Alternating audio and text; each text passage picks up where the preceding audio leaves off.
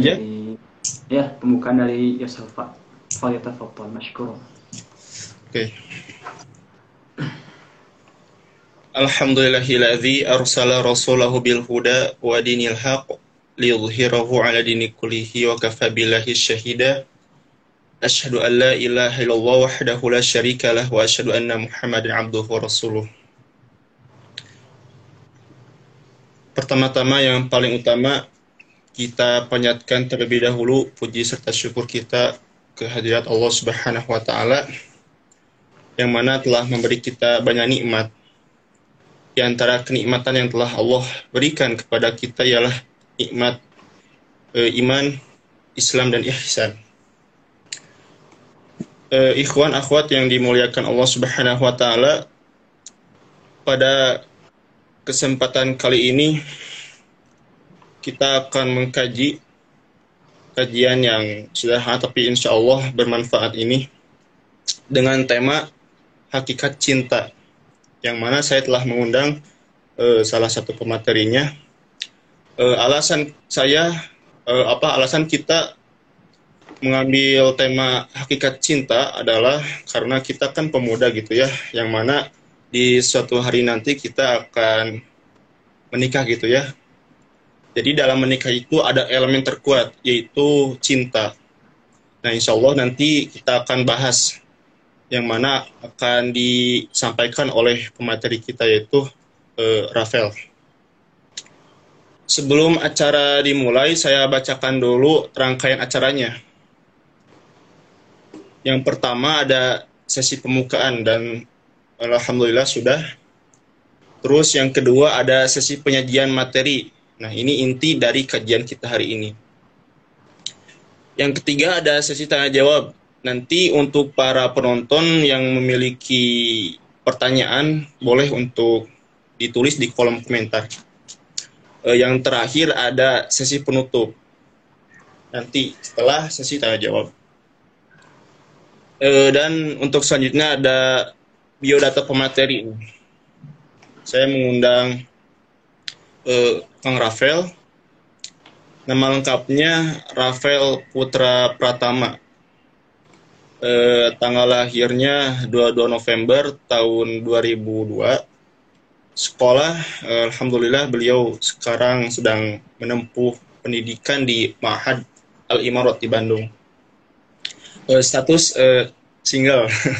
Ini sebuah tambahan aja nih dari anak. Eh, saya kenal dengan pemateri dengan uh, Akhir Rafael yaitu ketika ada program Ramadan di Masjid Al Khair pada Larang. Jadi ketika itu saya bertemu beliau, beliau itu sedang baca Quran gitu. Nah dari sana saya kenal kenal sama beliau dan ternyata beliau memiliki sifat yang penggigih untuk menuntut ilmu ya, masya Allah sekali.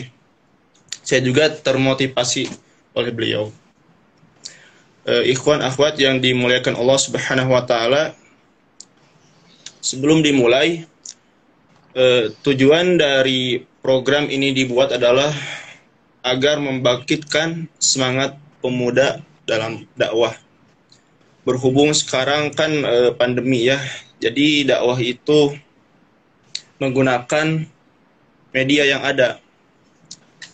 Jadi agar bermanfaat juga gitu buat orang-orang yang main HP WA tapi dipakai yang enggak-enggak gitu. Nah, kita mengajak juga kepada yang lain untuk main HP teh yang bermanfaat gitu ya. Kayak ini insya Allah. Nah, eh, hal yang perlu digarisbawahi di sini adalah bahwa kita di sini dalam menyampaikan materi enggak main-main jadi sebelum kita menyampaikan materi juga ada persiapan yang perlu kita persiapkan. Ya, jadi nggak abal-abalan kajian seperti ini. Kita udah semaksimal mungkin uh, menyiapkan materinya gitu. Insya Allah sebentar lagi akan diisi oleh Kang Rafael. Mungkin untuk mempersingkat waktu ya pada acara selanjutnya itu acara inti dari kajian ini eh, kepada Kang Rafael tafadol waktu dan tempatnya dipersilakan eh, tapi sebentar dulu eh, mohon izin untuk menutup kamera agar jamaah bisa fokus pada satu apa satu objek saja eh, syukur.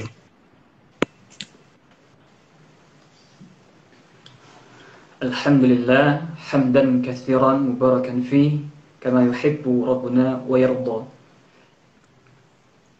أشهد أن لا إله إلا الله وأشهد أن محمدا عبده ورسوله الذي لا نبي ورسول بعده. فإن أصدق الحديث كتاب الله وخير الهدي هدي نبي محمد صلى الله عليه وسلم وشر الأمور كل محدث وكل محدثة بدعة وكل بدعة ضلالة. Baik, pada pembahasan kali ini kita akan mengangkat tema tentang hakikat cinta. Jadi, saya membahas tentang hakikat cinta ini adalah masalah yang dihadapi, yang dihadapi dengan yang dihadapi oleh para pemuda. Di mana ketika para pemuda ini menemukan masalah berupa cinta ini dan bagaimana mencari solusinya. Maka pada kajian ini akan membahas tentang hakikat secara mendalam ya hakikat cinta. Pembahasan yang pertama kita akan membahas poin yang pertama pengertian cinta ya. Nanti kita akan membahas tentang pengertian cinta. Kemudian poin yang kedua kita akan membahas tentang motif penyebab timbulnya cinta ya. Kemudian poin yang yang ketiga kita akan membahas tentang salah gitu. Salah dalam mengartikan cinta. Jadi makna cinta itu makna cinta harus ditempatkan dengan posisi yang benar gitu. Kemudian poin yang keempat kita akan membahas tentang ciri-ciri cinta ya. Bagaimana sih ciri-ciri cinta itu? Apa kategorinya gitu. Kemudian yang kelima adalah ciri-ciri yang bukan termasuk cinta. Ya. Kemudian yang poin ke-6 itu di luar sebenarnya di luar narasi kita ya, namun tetap berhubungan dengan cinta. Itu apa? Perbedaan cinta antara laki-laki dan perempuan gitu. Ya, nanti kita akan dibahas tentang perbedaannya. Kemudian yang poin ketujuh dampak mencintai berlebihan atau yang dinamakan ishq ya, cinta buta. Kemudian yang ke-8 poin ke-8 kita memahami kekuasaan Allah Subhanahu wa taala dan hikmah di balik cinta tersebut ya. Jadi tujuan Allah menciptakan cinta itu tidak sia-sia. Jadi ada ada hikmah di balik itu semua gitu. Jadi itu semua rangkaian yang kita akan bahas dari awal sampai akhir insya Allah. Kita langsung aja ke pembahasan yang pertama tentang cinta, pengertian cinta. Secara bahasa yaitu al-mahabbah dalam bahasa Arab, lughat al-Arabiyah artinya adalah kecintaan. Adapun mahbubun adalah objek, objek yang dicintai. Dari kata habba yahibbu gitu. Akar katanya. Dan mahbub ini termasuk maf'ulnya. Apa yang dimaksud dengan maf'ul? Maf'ul itu adalah objeknya objek yang dicintainya. Ya. Kemudian muhibbun. Muhibbun adalah orang yang mencintai. Gitu. Dari kata kerja ahabba yuhibbu. Fa'ilnya muhibbun. Bahkan Ibnu Qayyim Al-Jauziyah mengarang kitabnya itu Raudatul Muhibbin. Itu apa? Taman-taman para pecinta. Taman-taman para pecinta. Kemudian secara bahasa nama-nama cinta yang lain itu lebih dari 50 sinonim atau persamaan kata dengan cinta tersebut sebenarnya banyak artinya ya. Bisa kita menggunakan mahabbah gitu kan. Ar-rahman rahim dan lain dan lain sebagainya gitu. Ketika Ibnu Qayyim Al-Jauziyah menjelaskan di kitabnya Raudhatul Muhibbin bahwasanya cinta itu adalah akar dari kata-kata itu. Yang dirangkai sedemikian rupa yang akhirnya menjadikan cinta al-mahabbah. Makanya makom mahabbah itu makom yang paling tinggi gitu. Adapun yang lainnya di bawahnya itu sebab-sebabnya gitu. Adapun secara istilah cinta itu adalah kasih sayang secara singkatnya. Kemudian rasa rindu ingin terus berjumpa dengannya gitu. Ketika Rabi'atul Al-Adawiyah di, di, di, ditanya oleh seseorang, apa itu cinta katanya. Maka Rabi'ah Al-Adawiyah mengatakan bahwasanya cinta itu sukar. Sukar untuk dijelaskan. Susah untuk di, untuk dijelaskan susah. Karena cinta itu adalah gambaran, gambaran hati. Jadi orang tersebut bisa paham ketika di, dijelaskan cinta ketika dia juga merasakan pernah merasakan cinta tersebut gitu. Sia-sia bagi seseorang menjelaskan cinta, hakikat cinta, namun orang tersebut tidak tidak pernah merasakan cinta gitu. Ya. Seperti hanya surga, ketika kita mendapatkan kabar surga itu dalamnya ada sungai yang sungai yang mengalir, kemudian padang rumput dan lain sebagainya. Yang kita bayangkan ketika kata surga itu yang ada di benak kita itu adalah sesuatu yang ada di dunia, bukan hakikat surganya gitu.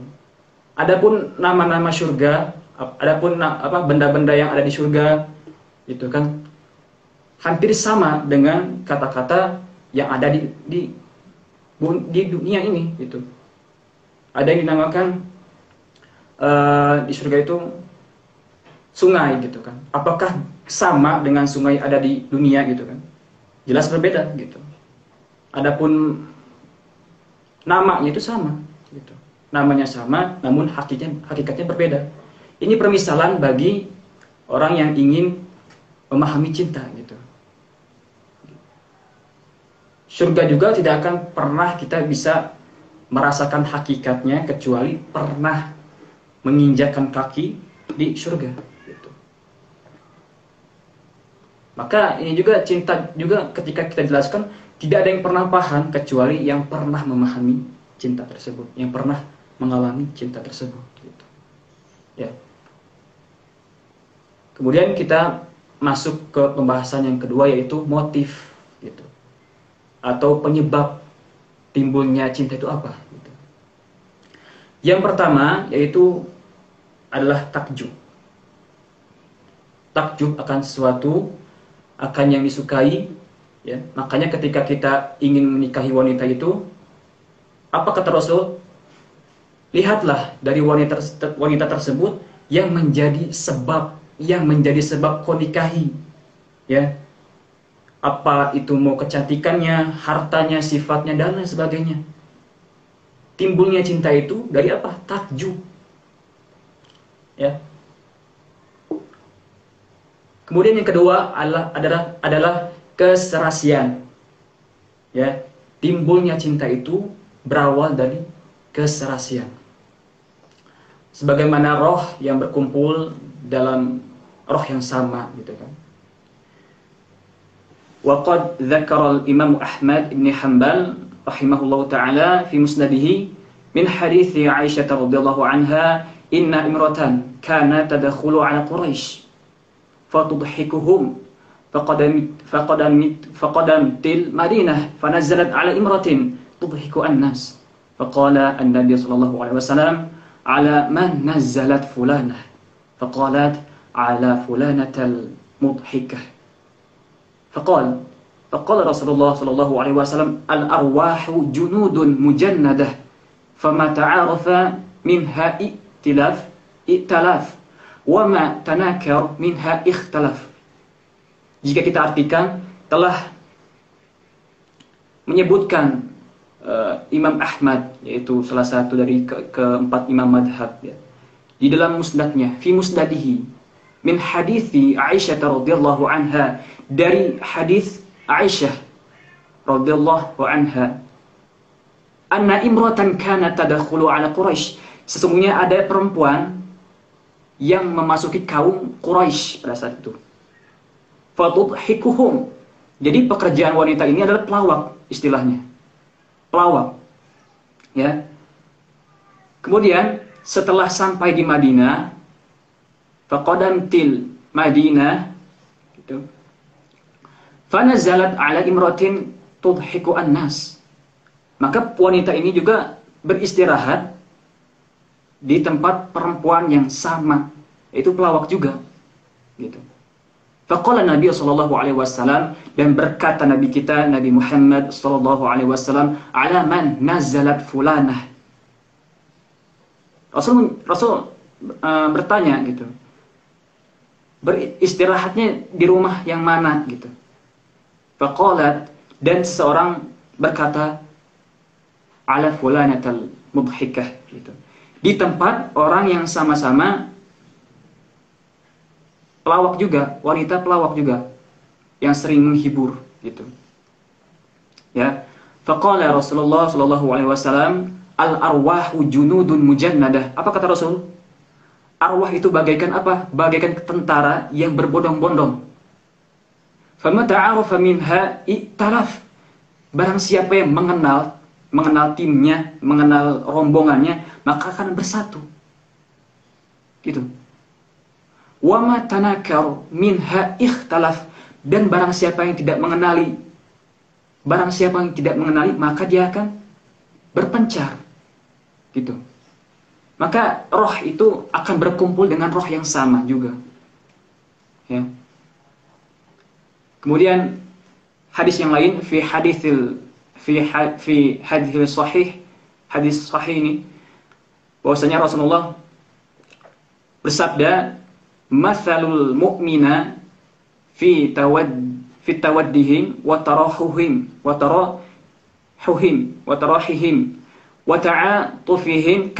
jasadi wahid idza ishtaka minhu udwan tada'a lahu sa'irul sajadi bil humma was sahra artinya apa? Bahwasanya Rasulullah telah bersabda, mukmin dalam cintanya, dalam kasih sayangnya, dalam kelemba, dalam kelembutannya itu sama seperti satu jasa. Mukmin yang satu dengan mukmin yang lain satu jasa. Kama salil jasadil wahid. Sama dengan jasad yang satu. Saling mengokohkan. Idastaka minhu udwan. Ketika salah satunya itu merasakan sakit tada'u lahu sairu saji sairu jasadi bihumma wassahra jika salah satunya sakit maka yang lainnya akan merasakan sakit pula. Gitu. Jadi itu adalah keserasian. Sebagaimana roh itu akan berkumpul dengan roh yang sama. Al-mar'u al-mar'u ma'a man ahabba. Ya. Jadi seorang itu akan dikumpulkan dengan dikumpulkan dengan orang yang sama orang yang dia cintai. Gitu. Kemudian hadis yang lain juga al mu'minu lil mu'mini kal bunyan ya. Yashuddu ba'dahu ba'dan orang mukmin dengan mukmin yang lain seperti sebuah bangunan sebagian menguatkan sebagian yang lain menguatkan juga gitu Kemudian ini ada hubungannya dengan teman yang sefrekuensi, se-circle ya. Bahwasanya burung juga akan berkumpul dengan burung yang sama gitu. Mana mungkin kita menemukan burung gereja bersama dengan burung beo gitu. Pastinya burung-burung yang sejenis itu akan berkumpul dengan yang sejenis juga gitu. Ini juga ketika kita mendapatkan jodoh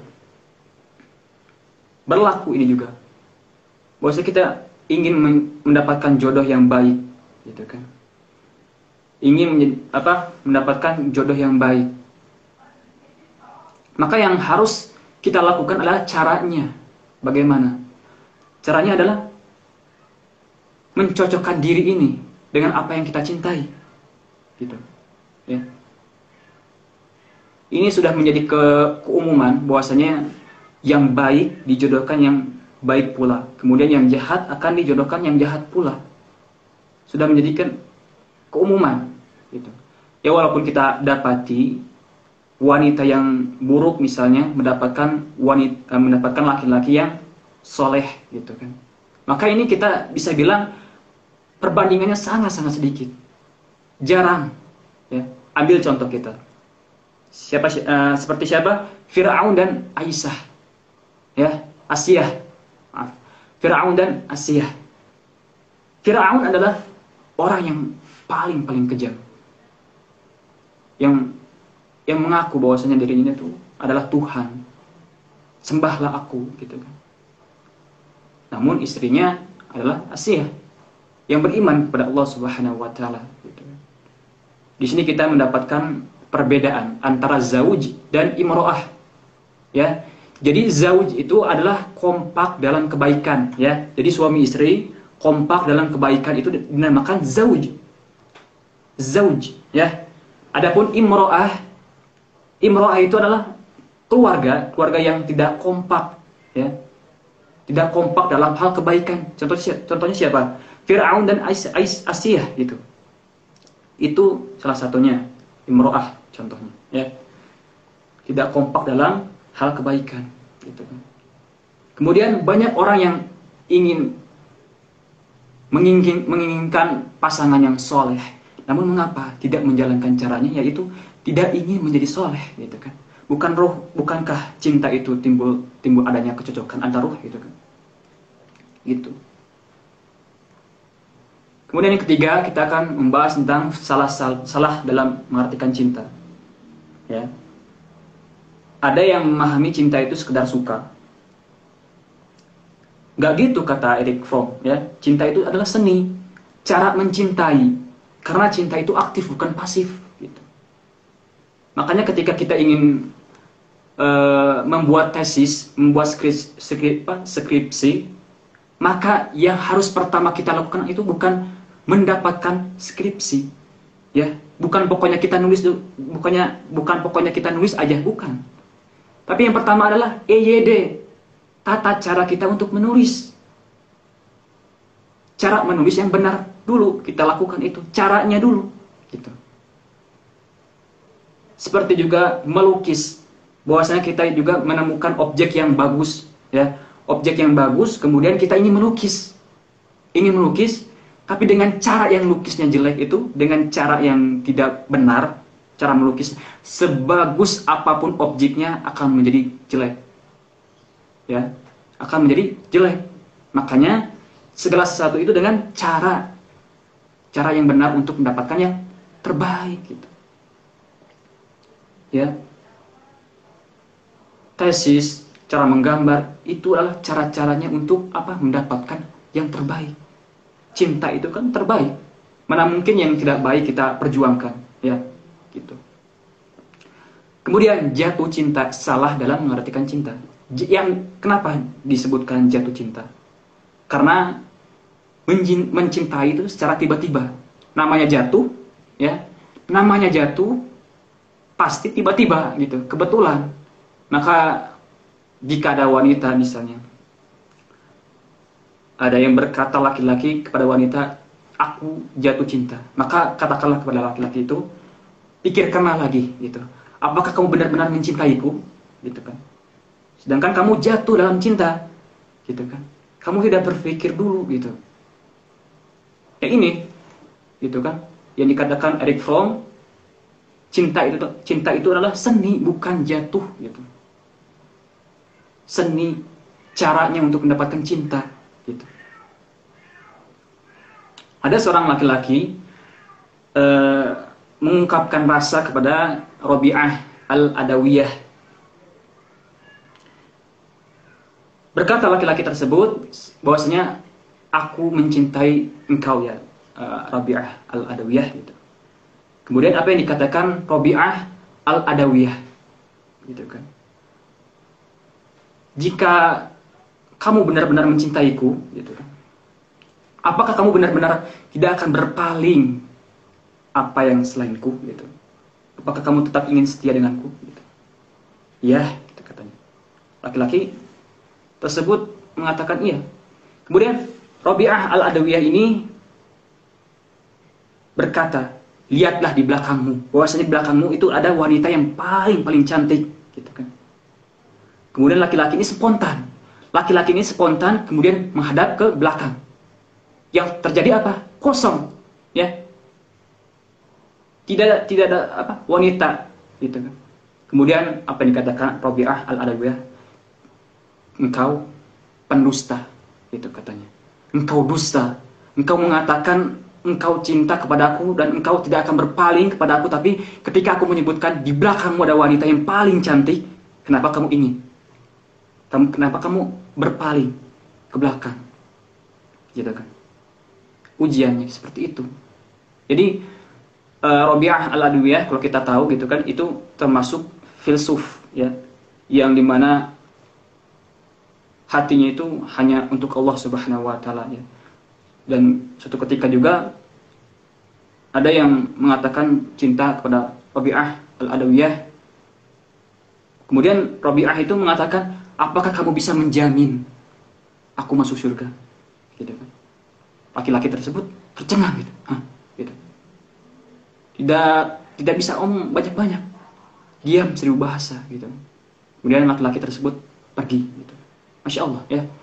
Jadi Robiah al-Adawiyah itu kita bisa mengambil hikmah di dalam cerita-ceritanya ya.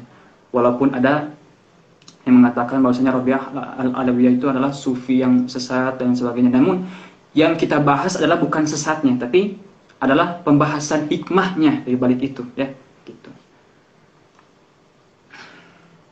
Kemudian kita akan beralih cerita ke Laila Majnun insyaallah. Ya. Jadi ini kisahnya tuh sebenarnya uh, udah lama ya, udah lama. Kemudian sangat masyur, sangat terkenal ceritanya. Ya. Jadi kisah dua sejoli yaitu yang bernama Laila dan Kois. Ya. Asalnya namanya Kois, tapi Kois ini saking cintanya uh, kemudian menjadi gila. Akibat apa? Sebabnya itu sebab dengan cinta yang berlebihan itu menjadikan seorang gila gitu. Makanya orang-orang yang sekitarnya itu mengatakan Qais itu adalah Majnun. Makanya lebih populernya itu Laila dan Majnun gitu kan. Laila dan Majnun gitu. Dikatanya dikatakan cinta menjadikan suatu tampak menawan, namun yang tampak menawan tak selalu menyebab tak selalu menyebabkan jatuh cinta gitu. Ya, Suatu ketika Kois ini kaget tiba-tiba didatangi oleh anjing yang dari kampung Laila. Anjing itu berjalan ya, berjalan dengan sangat pelan di hadapan Kois dan terlihat terlihat gelisah. Kois pun ceritanya uh, ingin mengikuti anjing tersebut karena ingin segera bertemu dengan Laila gitu kan. Jangan-jangan ini katanya, jangan-jangan ini bisa mempertemukan aku Kois gitu ya, dengan Laila gitu kan. Di tengah perjalanan, Kois pun melihat masyarakat yang sedang sholat, ya. Yang sedang sholat, anjingnya itu melewati masjid, tapi Kois tidak melihat mereka sama sekali, gitu. Tidak tidak melihat orang yang lagi sholat, tapi di hadapannya itu dia itu melewati di hadapan orang yang sedang sholat, gitu kan. Karena Kois ini sedang konsentrasi mengejar anjingnya itu, setelah Kois pulang, orang-orang tersebut yang tadi sholat itu mendatangi dan memarahi Kois, gitu kan. Dengan kata, wahai Kois, tadi engkau melewati kami sedang sholat, kenapa kamu tidak ikut sholat dengan kami? Kenapa kamu tidak melihat kami sedang sholat? Gitu. Kata Kois, demi Allah katanya, saat kalian sedang berjamaah sholat, aku sama sekali tidak melihat kalian. Kenapa? Yang Ya karena hati hati hanya fokus kan, fokus pada anjing dan yang dia cintai siapa? Laila, Qais itu. Kan katanya kan siapa tahu anjing itu bisa mempertemukan dengan Laila, gitu kan. Kemudian inilah yang menjadi sindiran bagi bagi kita semua dan menjadikan orang tersebut yang sholat berjamaah itu menjadi diam seribu bahasa. Apa katanya? Kata Qais, bila kalian benar-benar cinta pada Allah, sebagaimana diriku cinta pada Laila, pasti kalian tidak pernah melihatku. Nah, itu. Ya. Pasti kalian tidak melihatku ketika aku mengejar apa? mengejar anjing itu. katanya Qais padahal kalian sedang berbicara pada Allah Subhanahu wa taala tapi mengapa kalian masih bisa bisa masih bisa memperhatikan diriku katanya aku saja yang katanya aku saja yang mengajar anjing kepunyaan Laila. Pujaan hatiku sama sekali tidak melihat kalian. Jadi ini sendirian sindiran yang luar biasa ya. Jadi hikmahnya itu kita juga harus sholat dalam keadaan khusyuk. Apa itu khusyuk? Khosyah. Khosyah itu apa? Tunduk ya. Ketika kita sholat itu yang harus kita lakukan adalah tunduk bukan hanya mengerjakan sholat aja bukan. Tapi membangun sholat iqamatu sholat. Dan bangunkan kan bangunkan bangunkan sholat itu. Bukan sekedar hanya dikerjakan doang hanya ingin menggugurkan kewajiban doang. Bukan tapi membangun gitu. Ya insya Allah ini ceritanya sindiran keras bagi kita semua. Bahwasanya kita juga mencintai sesuatu itu dengan fokus ya. Harus fokus kemudian kisah selanjutnya suatu ketika diadakan pesta di rumah Laila ya. Semua warga desa di, apa, mendatangi rumahnya Laila itu. Majnun yang tidak diundang menyusup saja dan masuk rumah Laila ya. Kalau dibilang itu istilahnya itu Abtufaili ya. Kemarin sempat dibahas oleh dosen saya bahwasanya ada seorang ada cerita Abtufaili orang yang tidak diundang dalam pernikahan. Kemudian yaitu mengancam bahwasanya kalau dia yang punya undangan itu gak memberi makan dia akan bunuh diri katanya. Dia akan bunuh diri. Kemudian kalau bunuh diri kan yang terjadi apa pestanya? Apa? Kacau gitu kan. Nah itu. Ketika dosen saya menjelaskan tentang cerita apa cerita At-Tufaili gitu kan. Lan, lanjut lagi ya, suatu ketika diadakan pesta di rumah Laila, warga desa mendatangi rumahnya Laila gitu kan. Majnun yang tidak diundang menyusup saja ya dan memasuki rumah Laila dan melihat orang-orang antri, dia pun juga antri. Erat. Kalau kita malu gitu kan ya. Ketika giliran Majnun yang antri gitu ya. Dan yang membagikan antrian adalah Laila sendiri. Jadi dengan ikut antri, Majnun pun bisa melihat Laila juga. Gitu. Ketika antrian Majnun, Laila tidak mau membagikan makanan. Apa? Kenapa coba? Ya. Tapi piringnya itu, yang di tangannya itu, tangan si Majnun itu, dibanting sampai pecah. Gitu kan. Akhirnya apa? Keluarga Laila itu senang. Alhamdulillah katanya. Laila akhirnya sadar akan dirinya sekarang. bahwasanya orang yang Majnun itu nggak cocok untuk dicintai katanya. Ya orang-orang dari penduduk pun juga ikut senang gitu kan tapi ada yang tapi ada orang-orang yang nggak sadar Kois juga melihat itu apa Kois juga ikutan senang ya ketika dipecahkan apanya piringnya gitu terus ditanya sama orang-orang di sana wahai Kois kenapa kamu malah merasa senang dan tersenyum padahal kamu telah dipermalukan di banyak orang ya di, telah dipermalukan di depan orang-orang, kenapa kamu malah tersenyum? Ya, apa yang dikatakan Kois? Kois juga merasa heran. Kapan saya dipermalukan? Tanya Kois. Tadi, waktu Laila memecahkan piringku tadi, dengan tegas itu. Tadi, waktu Laila memecahkan piringmu, wahai Majnun, gitu. Kois menjawab, oh gitu, bukan ber, bukan seperti itu. Kalian salah paham. Laila memecahkan piring tujuannya hanya satu katanya. Agar aku ikut-ikutan antrian lagi. Kalau aku ikut antrian lagi, katanya, kita bisa bertemu lagi dan saling tatap-tatapan dengan Laila katanya. Masya Allah. Ya. Sehingga rindunya katanya terobati gitu kan. Ini juga sindiran bahwasanya kalau masih susah gitu kan. Kalau Allah memberikan ujian, kesulitan, itu mungkin karena Allah ingin kita itu dekat dengan Allah Subhanahu wa taala ya. Kalau misalnya kita juga mempunyai doa, hajat, tapi tidak terkabulkan, mungkin apa yang terjadi? Allah suka rindu mendengar suaramu. Makanya nggak dikabul-kabulin, gitu ya. Allah itu rindu dengan apa doa-doa hamba-hambanya, ya. Jadi jangan salah paham dulu. Makanya cintai Allah, dekati Allah dengan rasa cinta. Maka kamu tidak akan kecewa, putus asa. Ya. Itulah rahasia cinta ilahi ya seperti Laila yang membanting piring Qais Ada lagi nggak ceritanya? Ada, ya. Suatu ketika juga Majnun ini sakit parah dan dibawa ke dokter atau tabib ya, tabib dokter. Setibanya di rumah sakit tersebut, dokter melihat kondisi Kois yang sangat parah. Gitu.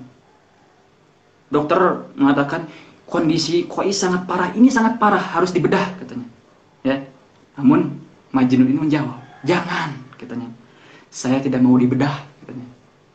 Tabibnya heran, tabibnya, dokternya heran gitu. Kok kamu takut gitu?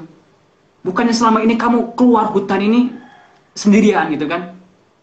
Hewan buas di sana banyak gitu kan?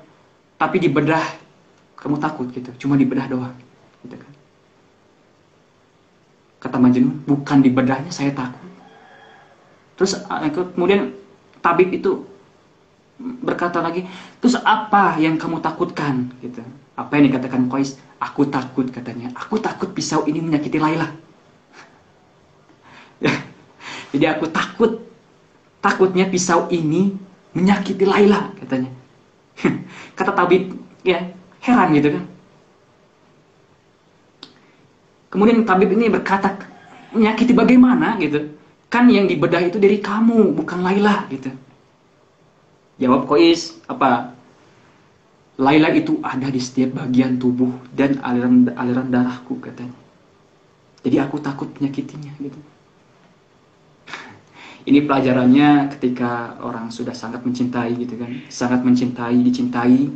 Kalau Allah kalau kalau Allah um, Laila disakiti, Majnun Majnun juga akan sakit gitu kan. Itu hakikat cinta ya.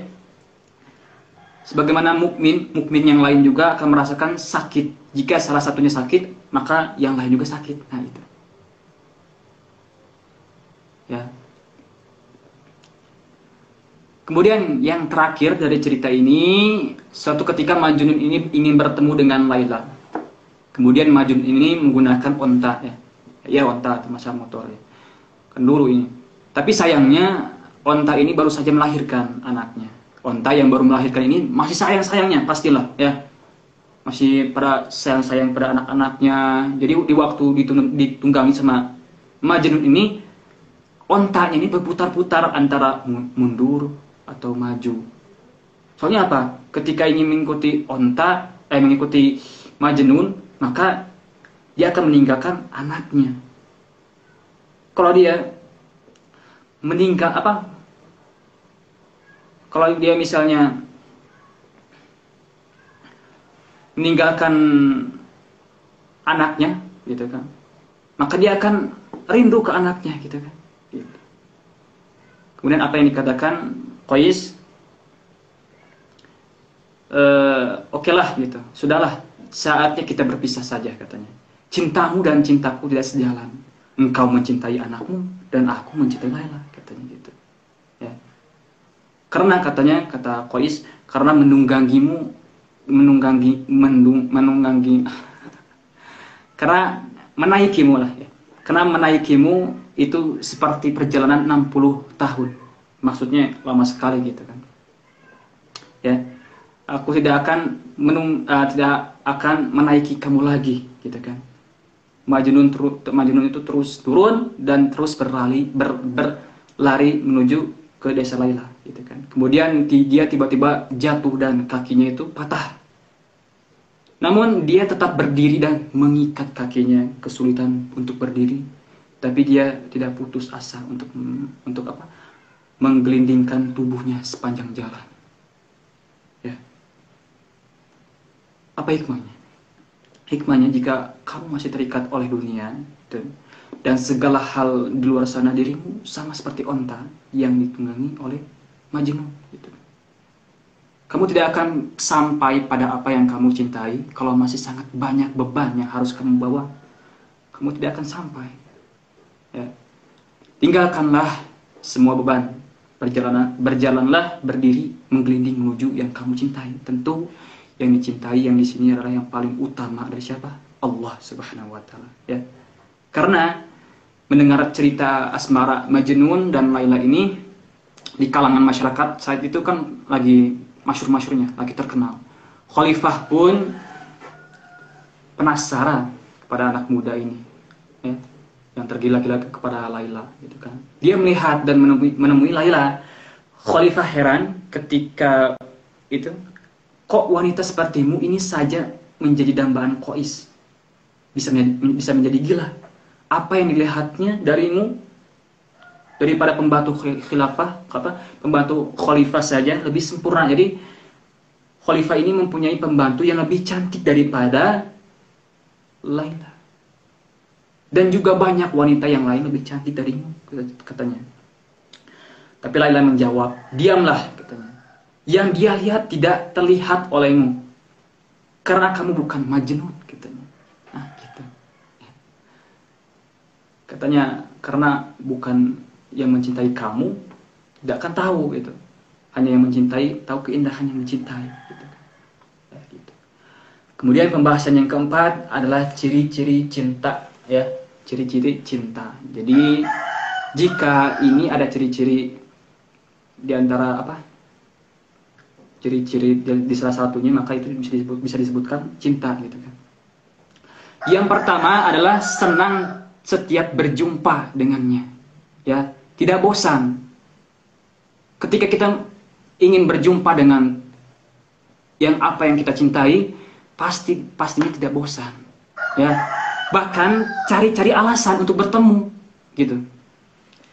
Bahkan seperti Laila yang tadi ya memecahkan piring untuk apa? Tujuannya untuk untuk ber, ber, bertemu terus ya.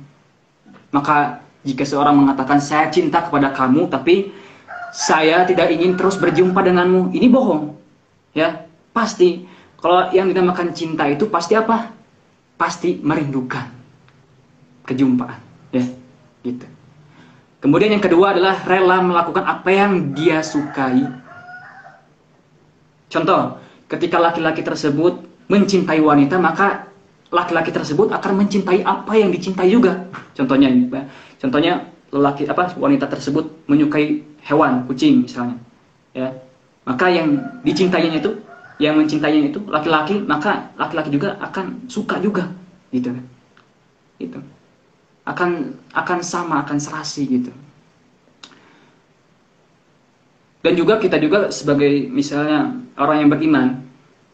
Orang yang beriman bahwasanya dia itu beriman kepada Allah dan mencintai Allah Subhanahu wa taala, pastinya dia itu akan melakukan apa-apa yang dicintai oleh Allah Subhanahu wa taala. Dan bohong jikalau seseorang mengatakan bahwasanya saya cinta Allah, gitu kan. Saya cinta Allah gitu kan. Dengan semudah apa? Dengan semudah like gitu. Di di FB suka suka ada kayak gitu kan jika kamu cinta Allah, like dengan like, share, komen, cinta Allah gitu kan. Bukan semudah itu. Ya. Jikalau jikalau engkau benar-benar mencintai Allah, maka lakukanlah apa yang yang dicintai kamu itu suka gitu. Ya. Kemudian yang ketiga adalah memperbanyak mengingat atau zikir. Pastinya ketika kita meng, apa mencintai wanita tersebut misalnya, pasti yang teringat itu apa? hati yang dicintai itu. Terus mengingat karena dikagumkan gitu kan. Ada kegagum apa kagum dalam hatinya gitu kan.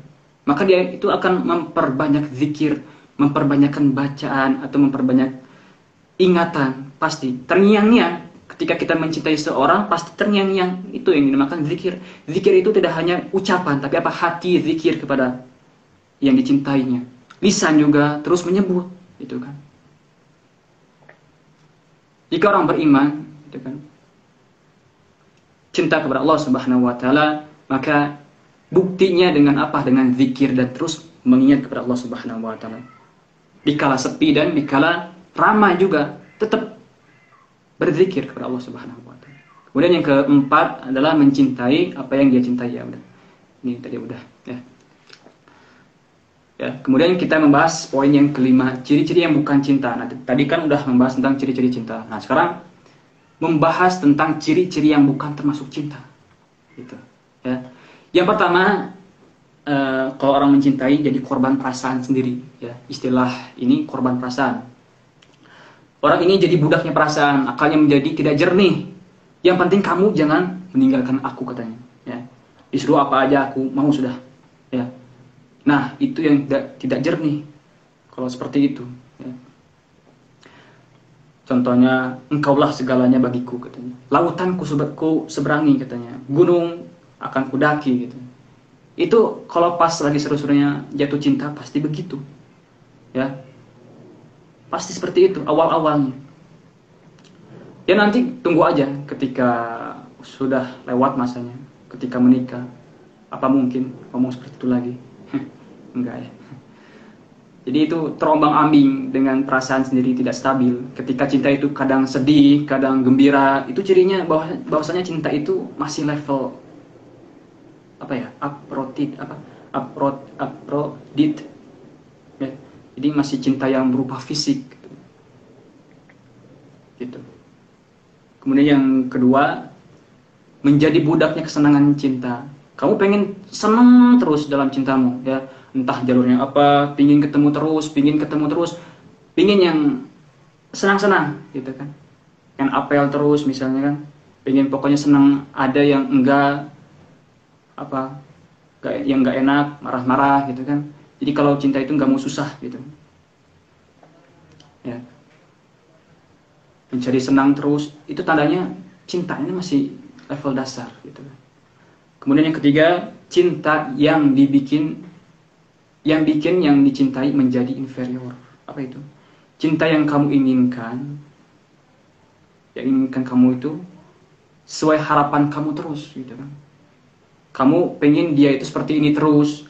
Pokoknya kalau ada WA dari teman yang itu, yang ini, yang ini, misalnya ketika udah menikah, gitu kan? Uh, tak usah dibaca, tak, tak usah dibaca katanya kan. Nah, tapi ini kan bertentangan ya, bahwasanya Eh, ketika menikah itu kita itu tidak boleh apa berchat-chatan dengan yang non mahram gitu kan ya ini kita buang aja lah ya poin ini. Kemudian yang selanjutnya cinta yang mengorbankan mengorbankan dirinya sendiri dengan pamrih ya. Dengan pamrih kamu juga harus begini. Aku sudah aku sudah aku sudah seperti ini maka kamu juga harus seperti ini gitu katanya. Ya aku juga mau berkorban masa kamu enggak? Gitu kan. Nah itu ciri-ciri cinta yang dagang ya. gak mau rugi gak mau balik modal gitu kan. Aku akan membayar gitu kan jika kamu menjualnya gitu dan sebagainya ya kemudian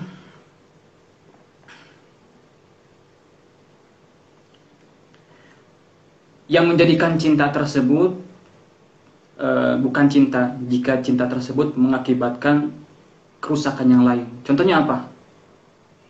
Gara-gara cinta ini ya banyak kebajikan yang tersingkirkan. Itu berarti cintamu cinta level yang rendah gara-gara pacaran misalnya kan.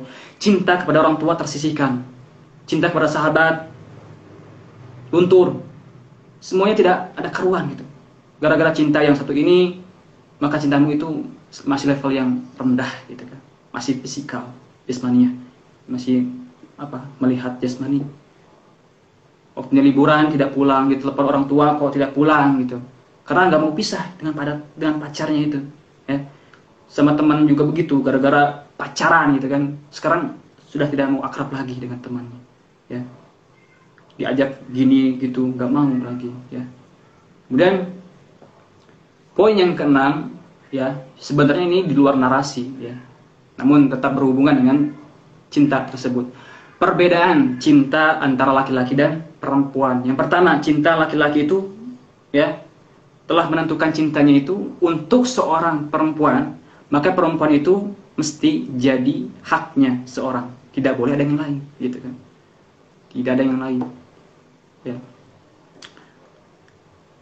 Tidak boleh ada yang berkongsi. Orang lain orang lain tidak boleh berkongsi dengan dia. Jika perempuan itu cantik, maka kecantikannya itu apa? Tidak akan pernah diketahui oleh, oleh orang lain, gitu kan. Gitu kan. Dan suaranya juga dia tidak akan pernah memperbolehkan wanitanya itu wanitanya itu berbicara dengan merdu gitu kan. Kemudian dinikmati oleh orang lain gitu kan. Pastinya laki-laki mempunyai sifat yang cemburu gitu kan. Karena sifat laki-laki seperti itu. Mempertahankan satu gitu kan. Dan tidak mau dinikmati oleh banyak banyak orang gitu. Menjadi khususan apa? Pengkhususan. Ya. Sebab itu kalau ada orang yang lain yang hendak memuji kecintaannya gitu kan. Atau mengatakan suaranya nyaring atau menyanjung budi pekertinya yang baik semua itu tidaklah diterima oleh laki-laki. Keumumannya seperti itu ya. Yang dicintai itu nggak nggak mau untuk bersama ya. Apalagi bertambah banyak orang memuji kecintaannya itu bertambah timbullah kecemburuan dalam hatinya sebab perempuan itu untuk dia ya. Hanya untuk dia. Tidak boleh untuk orang lain gitu. kemudian e, cintanya wanita ya. Tetapi cinta perempuan kepada laki-laki sebaliknya ya. Sebalik dari itu laki-laki pada pandangan perempuan adalah laksana dukuh ya. Dukuh emas yang tergulung di lehernya. Jadi bagai, bagaikan apa namanya dukuh ya buah atau gelang ya, gelang bertatah berlian yang melilit di tangannya. Perhiasan yang akan dibanggakan kepada kawan semuanya. Jadi seburuk-buruk laki-laki ya seburuk-buruk kecintaan kepada laki-laki tersebut dia akan lupa keburukan dari laki-laki tersebut jikalau dari orang lain orang lain pada memuji laki-laki tersebut gitu laki-laki lain atau perempuan lain memuji dia dekat, ya, memujinya, maka mengatakan dia seorang laki-laki yang tangkas berbudi, ternama, termasyur dan lain sebagainya. Maka dia itu akan lupa dengan keburukan laki-lakinya, ya, dengan adanya apa? Dengan pujian yang lain dari orang, orang lain, gitu kan. Namun tetap ya wanita juga mempunyai rasa cemburu. Ya. Ini hanya sekedar apa namanya keumuman gitu. Jika ingin dikritik, falyatafaddal ya. Kemudian dahsyatnya godaan lelaki terhadap wanita ya. Lelaki cukup saja melihat cukup melihat tas wanita gitu ya. Melihat sendalnya ya akan terbayang terus. Kenapa? Nafsu laki-laki itu seperti itu. Terus terbayang gitu kan. Rasulullah bersabda, dan tidaklah aku meninggalkan suatu fitnah yang lebih berbahaya kecuali apa? Wanita. Jadi wanita itu sangat berbahaya fitnahnya, ya, sangat-sangat membahayakan. Kemudian yang ketujuh adalah dampak mencintai, gitu. Yang yang dapat menodai cinta tersebut. Yang asalnya agung, ya, agung cinta itu, kemudian kita nodai, gitu kan. Al-ishq, cinta buta namun pada hakikatnya cinta itu wajar. Setiap manusia pasti ada, mempunyai rasa cinta. Ya. Namun mengekspresikannya itu mempunyai pagar-pagar tersendiri. Ya. Ekspresi, ekspresi, apa, ekspresikan cinta itu dengan apa? Dengan menikah. Itu. Tapi kadang jika misalnya seorang wanita ya, menyukai laki-laki contohnya, dia itu tidak akan mau duluan untuk menyatakan cinta. Tidak seperti Khadijah. Khadijah berani, berani gitu. Tapi zaman sekarang kita temukan wanita itu apa ya? Gak mau untuk mengungkapkan rasa cinta duluan gitu kan. Kenapa? Yang yang dia takutkan bukan untuk mengungkapkan rasanya, bukan, tapi apa? Takut ditolaknya. Itu. Ya. Karena ditolak itu malu seperti apa gitu. Itu kata seorang ya. Di efek cinta itu ya besar gitu. Makanya dengan cara menikah gitu. Hati yang keras juga walaupun ketika cinta tersebut datang padanya maka akan menjadi luluh, menjadi luluh hatinya tersebut ya. Kemudian kita beranjak lagi ke pemuda yang hafal Quran ya. Ini masyhur dan hilang hafalannya. Ya. Jadi asalnya adalah pemuda yang ber iman kepada Allah Subhanahu wa taala ya. Berkata Abdah bin Abdurrahman berkata kami memasuki negeri Romawi katanya bersama rombongan kami ada seorang pemuda yang selalu melewati siang dan malam dalam kehidupannya itu dengan membaca Al-Qur'an dan berpuasa. Sedangkan di waktu malam itu dia melewati dengan melakukan qiyamul lain, salat malam, tahajud. Pemuda ini termasuk orang yang paling berilmu, berilmu, paling fakih tentang hukum waris, ya Suatu saat kami melewati suatu benteng yang sebenarnya itu kami tidak diperintahkan untuk berhenti di sana. Pemuda itu kemudian menuju sudut benteng, turun dari kudanya dan buang air. Ia kemudian melihat ke atas ada seorang wanita yang cantik yang menawan hatinya. Pemuda itu pun berkata kepada wanita tersebut dalam bahasa Romawi ya, bagaimana caranya untuk bisa mendapatkanmu kata itu pemuda tersebut. Wanita tersebut berkata, mudah katanya. Jadilah seorang Nasrani, aku akan bukakan pintu untukmu dan aku menjadi milikmu. Mudah, gitu. Ya. Kemudian apa yang terjadi? Pemuda itu pun melaksanakan perintah wanita tersebut. Ia pun masuk ke dalam benteng, ya. Kami pun sangat bersedih katanya yang melihatnya itu. Dengan kesedihan yang sangat jika dibangkit jika jika dibandingkan dengan anaknya sendiri itu kan anak kandungnya itu bertambah lagi ya kesedihannya itu. Kesedihan akibat sikap murtad ya murtad pemuda itu akan lebih besar. Kami pun menyelesaikan pertempuran kami kemudian kami pulang gitu. tidak beberapa tidak beberapa lama kami pun keluar untuk pertempuran yang lain. Kami pun melewati benteng itu kami melihat pemuda itu sedang melihat keluar bersama Nasrani yang tadi perempuan itu. Kami berkata kepadanya, wahai fulan, apa yang terjadi dengan bacaan Quranmu? Apa yang terjadi dengan puasa, sholatmu? Pemuda itu berkata, aku telah lupa seluruh ayat Al-Quran. Masya Allah.